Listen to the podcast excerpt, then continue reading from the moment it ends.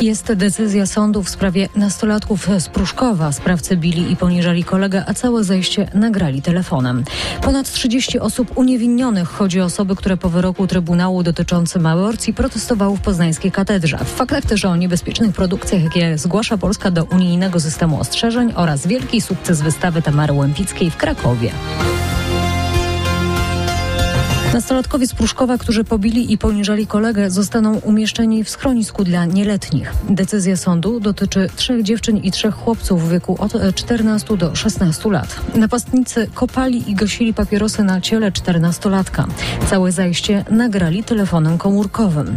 Sąd zdecydował także o wszczęciu postępowania przeciwko nastoletnim sprawcom. Ile czasu spędzą w schronisku dla nieletnich? Mariusz Piekarski. Na razie trzy miesiące do połowy czerwca umieszczenie w schronisku to środek tymczasowy tymczasowy, tak jak w przypadku dorosłych byłby to areszt. W tym czasie sąd rodzinny będzie prowadził postępowanie, będzie badał okoliczności dwóch zdarzeń, które na razie udokumentowała policja, ale nagrań z brutalnym zachowaniem nastolatków jest więcej. Gdyby napastnicy byli pełnoletni, usłyszeliby zarzuty za sześciu paragrafów kodeksu karnego. To innymi udział w bójce i pobicie, rozbój, wymuszenie rozbójnicze i podawanie narkotyków. Małoletnim nie stawia się jednak zarzutów karnych. Mogą odpowiadać jedynie na mocy ustawy o resocjalizacji młodzieży, a tam najdotkliwsza kara to umieszczenie w zakładzie poprawczym. Polska po Niemczech i Francji w zeszłym roku zgłosiła najwięcej ostrzeżeń o niebezpiecznych produktach. Chodzi głównie o zabawki i samochody. Takie są wyniki opublikowanego przez Komisję Europejską raportu w tej sprawie, informuje nasza korespondentka Katarzyna Szymańska-Borginią.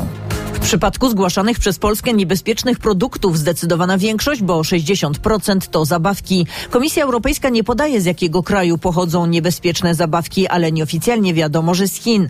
Często zgłaszane zabawki mają nadmierne stężenie wtalanów, co niesie ze sobą ryzyko dla układu rozrodczego lub mają małe części, które dziecko może połknąć. Wzrasta ponadto liczba działań podejmowanych w wyniku wysyłanych przez Polskę ostrzeżeń i tak na przykład zgłoszona przez Polskę grzechotka z wtalanami może być następnie wykryta w innych unijnych krajach i wycofana ze sprzedaży.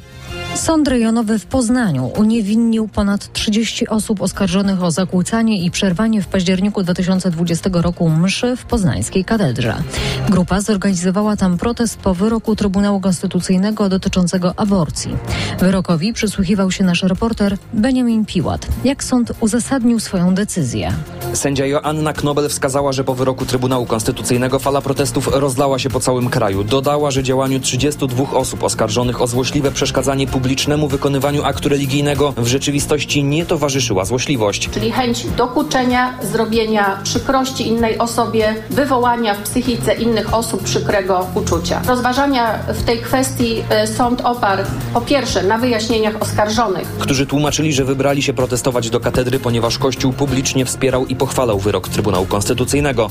Sędzia dodała również, że protestujący działali z powagą i szacunkiem do miejsca, w którym odbywała się msza, a na czas protestu wybrali kazanie, czyli zdaniem oskarżonych czas dialogu. Protestujący przynieśli ze sobą ulotki i transparenty, które nie obrażały religii. Wyrok nie jest prawomocny, a prokuratura zapowiedziała już złożenie apelacji. Zmęczenie, problemy ze snem i zapalenie mięśnia sercowego. O takich powikłaniach po zakażeniu koronawirusem określanych jako long COVID ostrzegają lekarze w specjalnej debacie na temat pandemii w RMFFM.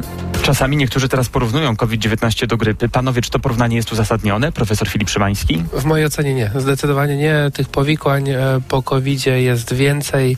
My już mamy dowody na to, że osoby zaszczepione mają mniejsze szanse na rozwój long COVID-u. Czy to może być, dobrze rozumiem panie profesorze, taki argument, że szczepionka często nie chroni przed samym zakażeniem. Ona łagodzi przebieg, to już wiemy, ale może skuteczniej chroni niż przed samym zakażeniem, przed long covidem, czyli tym zespołem powikłań. Ona chroni przed hospitalizacją, przed śmiercią, chroni przed rozwojem long covidu. To są trzy zasadnicze rzeczy, które powinny stanowić argument dla osób, które się nie chcą szczepić. Z profesorem Krzysztofem Tomasiewiczem i profesorem Filipem Szymańskim rozmawiał nasz reporter Michał Dobrołowicz.